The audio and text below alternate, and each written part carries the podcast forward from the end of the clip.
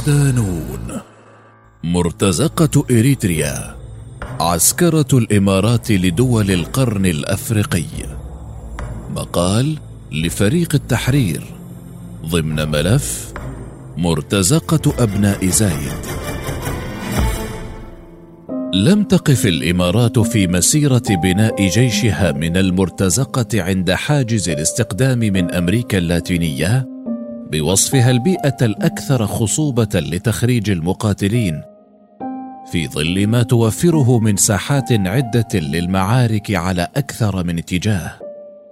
بل تجاوزت ذلك إلى القارة الأفريقية خاصة ساحلها الشرقي الملاصق لمناطق أطماع أبناء زايد سواء في اليمن أو داخل عمق القارة السوداء. في التقرير الثاني من ملف مرتزقة أبناء زايد نستعرض أبرز ملامح خطة أبو ظبي التوسعية في منطقة القرن الإفريقي ومساعيها لعسكرة تلك البؤرة المحورية ذات الأهمية الاستراتيجية بحكم جغرافيتها السياسية التي تجعل من يسيطر عليها يحكم قبضته على أحد شرايين العالم الحيوية وهو ما جعلها مطمعا لعديد القوى الدولية. بسط النفوذ على تلك المنطقة أخذ استراتيجيات عدة. من بينها تجنيد المئات من أبنائها وضمهم لجيش المرتزقة المشكل من نواة كولومبية قوامها 800 مرتزق. كما تم ذكره في التقرير الثاني مقابل حزمة من الامتيازات المادية والعينية على المستوى الشخصي للجنود ومساعدات واستثمارات للحكومات. المرتزقة الإريتريون. منذ دخول الإمارات إلى ساحة الأزمة اليمنية عبر المشاركة في التحالف العربي السعودي في مارس 2015 وضعت نصب أعينها الاستعانة بالإمكانيات العسكرية الإريترية بحكم موقعها الجغرافي القريب من ساحة المواجهات في ميدان الحرب اليمنية ضد الحوثيين. وفي العام ذاته أبرمت أبو ظبي صفقة عسكرية مع الدولة الإريترية لاستخدام قواعدها في الحرب في اليمن وذلك في مقابل منح الحكومة الأموال الكثيرة علاوة على تجنيد أربعمائة مقاتل إريتري للمشاركة جنبا إلى جنب القوات الإماراتية المشكل معظمها من مرتزقة كولومبيين. حذر التقرير الصادر عن مجموعة مراقبة الأمم المتحدة المعنية بالصومال وإريتريا في الحادي والعشرين من أكتوبر 2015 من أن تلك الصفقة تعد انتهاكا واضحا لقرار الأمم المتحدة رقم 1907 الذي فرض حظرا على الأسلحة على إريتريا في عام 9 وألفين. ورغم الإدانات الأممية في هذا الشأن إلا أن أبو ظبي تحايلت على هذا الهجوم بالحصول على خدمات الكثير من المرتزقة وفق آليات غير رسمية بعيدا عن الرقابة الدولية. الأمر الذي كشف بعد ذلك في أعقاب الخلافات السياسية التي نشبت بين الإمارات ودول القرن الأفريقي العامين الماضيين. وبحسب تقرير نشره موقع أوريان 21 الفرنسي للكاتب ألكسندر لوري الباحث في جامعة باريس فانسان فإن أبو ظبي لجأت إلى مرتزقة إريتريا ودول القرن الإفريقي من أجل إنفاذ سياستها داخل اليمن وبسط نفوذها على الموانئ القارية التي تمثل الهدف الاستراتيجي من وراء مشاركة قوات التحالف في حربها ضد الحوثيين. الباحث الفرنسي كشف أن الدعم الإماراتي ومعه السعودي لإريتريا خفف من وطأة العقوبات المفروضة عليها من قبل الأمم المتحدة عام 2000 ومكنها من تفادي العزلة التامة وهو ما يعد مخالفة صريحة وتحد فج وعلني لقرارات المجتمع الدولي. المال مقابل الخدمات العسكرية. لم تجد إريتريا أفضل من نفوذها الجيوسياسي على البحر الأحمر كبضاعة رابحة للخروج من العزلة الأمريكية. ورغم أنها اختارت الطريق الأصعب لكسر تلك الحالة التي دفعتها إليها واشنطن قسرا إلا أنها حققت من خلاله العديد من المكاسب بعدما أسال هذا النفوذ لعاب سماسرة أبو ظبي. المال الإماراتي لم يتوقف عند حاجز الحصول على دعم المرتزقة في إريتريا للمشاركة في المعارك داخل اليمن فحسب بل نجح في استخدام ميناء عصب كقاعدة لأبو ظبي في القرن الإفريقي. بهدف الدفاع عن أطماعها في منطقة الموانئ على الساحل الغربي لليمن وهي نقطة الخلاف التي تأججت فيما بعد مع الحليف السعودي. حلت اسمره بديلا جاهزا للحلف السعودي الإماراتي بعد الخلاف المفاجئ الذي دب بين أبو ظبي وجيبوتي في أعقاب هبوط طائرة إماراتية بدون ترخيص في مطار جيبوتي الدولي. لينتهي هذا التوتر المشحون سابقا بسبب النزاع على عقد محطة حاويات دوراليه بقطع العلاقات الدبلوماسية بين البلدين. وإن استؤنفت لاحقا لكن الأجواء لم تعد كما كانت في السابق. وأمام تلك الوضعية جاءت إريتريا لتكون البديل فهي المنافس الإقليمي لجيبوتي وتمتلك 150 كيلومترا من السواحل على البحر الأحمر حيث أبرمت العديد من الاتفاقيات بين نظام افورقي من جانب والرياض وأبو ظبي من جانب آخر. كان من نتائجها أن حصلت الإمارات على عقد إيجار لمدة ثلاثين عاما للاستخدام العسكري لميناء عصب ومطار هناك.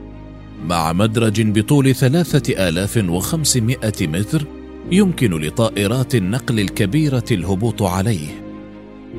ومن خلال هذا المطار شن الطيران الإماراتي هجمات عدة ضد مواقع يمنية فيما منح أبناء زايد الجيش الإريتري المنح والمساعدات وقاموا بتدريب عناصره والاستعانة ببعضهم في حربهم في اليمن.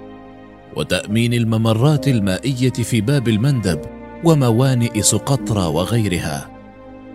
في السابع والعشرين من نوفمبر خمسة عشر وألفين انطلق عدد من الزوارق البحرية المليئة بالمقاتلين من أبناء عدن عبر ميناء الزيت بمديرية البريغا إلى أسمرة لتلقي التدريبات العسكرية وهي الدفعة الثانية التي تم إرسالها لتلقي التدريبات هناك ضمن برنامج سري إماراتي في إحدى المعسكرات هناك وفق ما ذكرت مصادر أمنية في هذا التوقيت.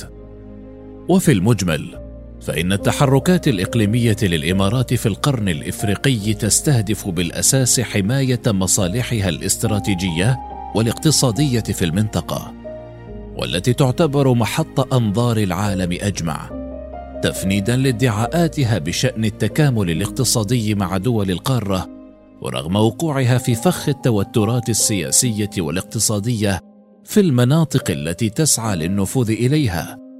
إلا أنها اضطرت لإيجاد موطئ قدم آخر وبالفعل كانت إريتريا هذا الموطئ النفوذ المشبوه منذ ثمانية وألفين تحيك الإمارات العديد من المؤامرات في منطقة القرن الإفريقي بحثا عن النفوذ المشبوه إما عن طريق كسب ثروات تلك الدول أو الحصول على خدماتها ودعمها بما يحقق أهداف أبناء زايد التوسعية والتي لأجلها تضرب الدولة الخليجية بكافة مرتكزاتها الوطنية التي وضع أسسها الراحل شيخ زايد آل نهيان عرض الحائط. كانت شركة موانئ دبي العالمية هي الذراع الطولى لتحقيق تلك الأجندة. وذلك حين وضعت قبضتها الكاملة على موانئ جيبوتي قبل أن ينفك العقد بينها فبراير الماضي بعد معركة قضائية شرسة استمرت قرابة ست سنوات كاملة في أعقاب تأميم الجانب الجيبوتي وثلاثين بالمئة من حصة الشركة الإماراتية.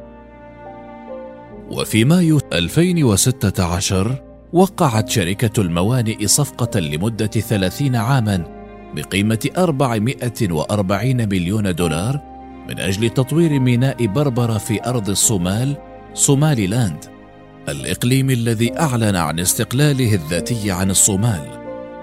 وهو الاتفاق الذي أثار غضب الحكومة الفيدرالية في الصومال خصوصا أنها لا تعترف بسيادة حكومة صوماليلاند على الميناء ما أدى في النهاية إلى نشوب خلاف سياسي بين الإمارات والصومال أسفر عن سحب أبو ظبي إمداداتها ومستشاريها العسكريين وإغلاق مستشفى كانت تموله في مقديشو. التحول الكامل صوب أسمرة للحصول على خدماتها اللوجستية والعسكرية والسياسية في ظل فشل حكومة إريتريا مقاومة الإغراءات المالية يفند وبشكل كبير شعارات السلام الدبلوماسية التي طالما رفعتها أبو ظبي حيال تحركاتها الإفريقية وهو ما أثار الكثير من التساؤلات حول الأهداف الحقيقية الخفية وراء وساطتها بين إثيوبيا وإريتريا. الاستعانة بالمرتزقة الإريتريين في الحرب داخل اليمن يعكس رغبة كبرى لدى أبناء زايد في استمرار الحرب التي بجانب أنها تحقق مكاسب كبيرة لها على المستوى اللوجستي إلا أنها في الوقت ذاته تنهك القوى الإقليمية المنافسة لها كالسعودية وإيران. وعليه يعتبر بعض الخبراء أن استخدام مرتزقة في اليمن خيار جذاب للدول الغنية التي ترغب في الحرب دون دخول مواطنيها في المعركة. وفق ما ذهب شون ماكفيت الزميل البارز في المجلس الأطلسي ومؤلف كتاب المرتزقة الجدد. وهكذا أسفرت ممارسات أبو ظبي بعد خمس سنوات كاملة من الحرب في اليمن في عسكرة القرن الإفريقي عن بكرة أبيه أو كما يسميه الباحث رولان مارشال طغيان حالة الارتزاق مستخدمة ما لديها من نفوذ مالي في شراء المرتزقة وتجنيدهم رغم معارضة الكثير منهم غير أن الفقر والحاجة للمال كان الوتر الأكثر طربا الذي تعزف عليه الدولة الخليجية لتحقيق أطماعها الخارجية وهو ما تسبب على مدار الأعوام الماضية في إضعاف هذه المنطقة الحيوية افريقيا وتجريدها من مصادر قوتها بعدما تم تفريغها بالكامل من مقوماتها الاقتصادية والعسكرية والسياسية.